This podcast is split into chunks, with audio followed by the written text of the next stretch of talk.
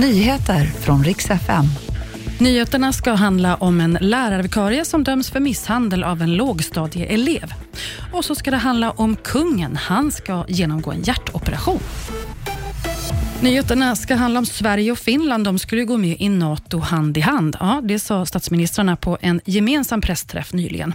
Det här verkar ju inte gälla längre. Enligt finska tidningar så har länderna nu haft samtal och det kan bli så att om Sverige inte kan gå med, då kan Finland gå med själva i NATO i mars.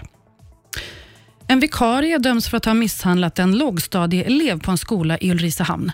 Bland annat så har läraren slagit eleven med en pinne över fingrarna och uppmanat andra elever att snärta till eleven över huvudet. Den kvinnliga lärarvikarien nekar till det här, döms ändå till skyddstillsyn.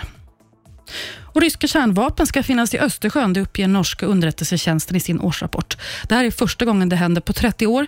Kärnvapen ska finnas på Nordflottans ubåtar och ytfartyg. Så ska det handla om kungen, Karl XVI Gustav, för han ska genomgå en hjärtoperation. Kungen ska genomföra en titthålsoperation i hjärtområdet på måndag. Hovet säger att kungen mår bra och det här är ett planerat ingrepp, men efter ingreppet så är han beordrad vila. 20 februari till den 3 mars har man därför rensat i kalendern så att kungen får stanna hemma och vila upp sig. Det var nyheterna. Jag heter Maria Granström.